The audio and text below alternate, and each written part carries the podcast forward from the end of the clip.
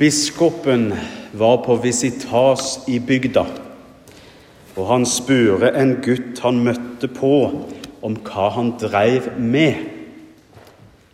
'Jeg er gjeter', svarte gutten. 'Har du mange sauer du passer på?' spurte biskopen, og fikk svar på det òg. 'Enn du, da? Hva stedler du med?' spurte gutten. Ja, jeg må vel si at jeg er en slags gjeter, jeg også, svarte biskopen. Har du mange sauer du gjeter, du, da? spurte gutten. På tusener, gutten min, fikk han til svar. Og bære meg, hvordan i all verden bærer du deg åt når alt det skal lemme? undrast gutten. Det handler bl.a. om sau i dagens preiketekst. Et dyr som følger oss gjennom hele bibelfortellinga. Vi har vært innom sauen òg tidligere i år her i Vigra kirke, uten at jeg skal holde preika fra 9. januar om igjen, selv om det kanskje ikke hadde vært noe stort problem, uten å si noe rundt om hukommelsen deres. Forskjellen på teksten den 9. januar og i dag 10. juli, det er at sauen det handler om i dag, det er deg og meg. Den 9. januar så var sauen eller lammet det var Jesus. I dag er det du og jeg som blir sammenligna med sauer. Vet ikke hvordan du har det med den sammenlikninga. Kanskje du tenker som RV-politikeren på 80-tallet at sauer er ålreite dyr. Eller kanskje du blir litt fornærma med tanke på sauens noe tvilsomme rykte hva gjelder intelligens. Uansett forhold til sau, så blir vi mennesker sammenlikna med sauer gjennom hele Bibelen. Og Gud blir kalla for vår gjeter. I Salme 100 i Bibelen så leser vi slik.: Kjenn at Herren er Gud. Han har skapt oss. Vi er hans. Vi er hans folk og den flokken han gjeter. Som kristne er vi del av en stor flokk. En stor, hvitkledd flokk av sauer. Vi har et fellesskap å høre til i. En flokk. Og så handler teksten vår òg om noe mer. Det står òg noe om saueflokkens ansvar for hverandre.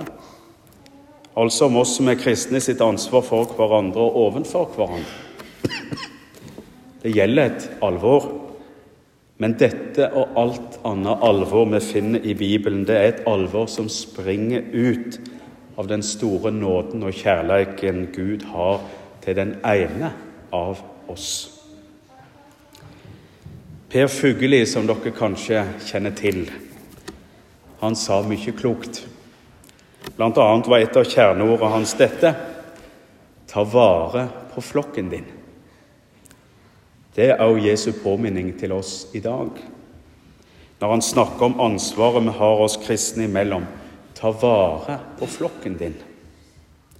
Synder bror din mot deg, så gå til han og still han til ansvar på tomannshånd. Hører han på deg, har du vunnet bror din, sier Jesus. Det å være en del av det kristne fellesskapet, det er òg å ansvarliggjøre hverandre. Ikke for å opphøye oss sjøl fordi vi skulle være perfekte. Nei, det går begge veier, som vi hører. Men for å vinne den andre. Det er noe positivt i dette med ansvarliggjøring på flere plan. Vi lar ikke familien vår som kirka og det kristne fellesskapet dypest sett skulle være i stikken. Vi lar ikke bror eller søster vår gå over styr. Vi prøver så godt vi kan å hjelpe hverandre, stille hverandre til ansvar. På tomannshånd, ikke i det offentlige men i respekt og i det stille. Vi skal si fra når noen gjør urett. Og om det ikke går, så skal vi ta det videre. I kristne sammenhenger råder ofte en konfliktskyhet, noe jeg sjøl absolutt er skyld i. Vi skal liksom være så annerledes og gjøre ting bedre enn ellers i verden. Men likevel dukker det opp sak på sak om dårlig konflikthåndtering i kristne sammenhenger overalt. Jesus han vet at vi ikke er bedre enn andre. Ikke på noe vis. Kristne er bare folk, tross alt. Syndere som alle andre. Og Nettopp derfor er det Jesus òg gir oss påminnelsen. At vi ikke bare skal la ting fare, men ta ting på alvor.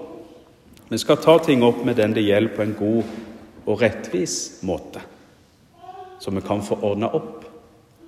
Synder bror din mot deg, så gå til han og still han til ansvar på tomannshånd. Hører han på deg, har du vunnet bror din, sier Jesus. Dagens ord til oss handler om å ta ansvar for hverandre og for oss sjøl. Men teksten handler ikke bare om det. Den begynner en helt annen plass, en mye viktigere plass. Vi skal tilbake til saueflokken, til den ene sauen som forsvant fra de 99 andre. Ei kjent og kjær fortelling. En fortelling om en Gud som setter oss så høyt at vi kunne tro at vi var de eneste i verden. Om en mann har hundre sauer, og en av dem går seg vill, let han ikke da de 99 være att i fjellet, og går av stad og leiter etter den som er kommet på avveier?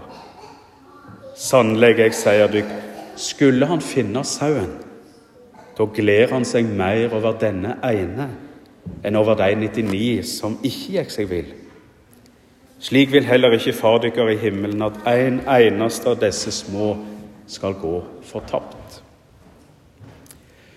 Gud vil ikke miste en eneste en, synger vi i en bedehussang. Og Jesus tar seg av den ene, synger vi i en annen. Det kristne budskapet handler om fellesskap, som vi har vært innom. Og det handler om Jesu forhold til den ene. Til deg og til meg. Til Sondre, som er døpt i dag. Jesus han kom for å vinne mennesket. Som vi sier i nattverdliturgien senere i gudstjenesten. Han skulle frelse oss fra synd og død og vinne et heilagt folk. For å føre de som var kommet bort, hjem og tilbake til flokken igjen. Og han gleder seg stort over hver enkelt som kommer til han. Om det er dåpens gave, slik Sondre har fått erfare det i dag, eller om det er noen som lenge har levd borte fra Jesus, som kommer hjem.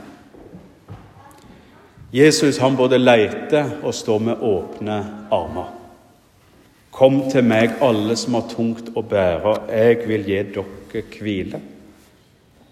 La de små barna komme til meg, og hindre dem ikke, for Guds rike hører slike til. I dag har Sondre fått del i Guds rike, i dåpens gave. Han er blitt en arving til den levende Gud, nådens og kjærleikens Gud. Han er blitt en liten sau som hører til i Guds store og mangfoldige saueflokk. Kjenn at Herren er Gud. Han har skapt oss. Sondre er hans. Vi er hans folk og flokken han gjeter. Har du mange sauer du gjeter, du, da? spurte gutten biskopen. På millioner og millioner, gutten min, svarer Gud. Og han har god plass til flere i flokken sin.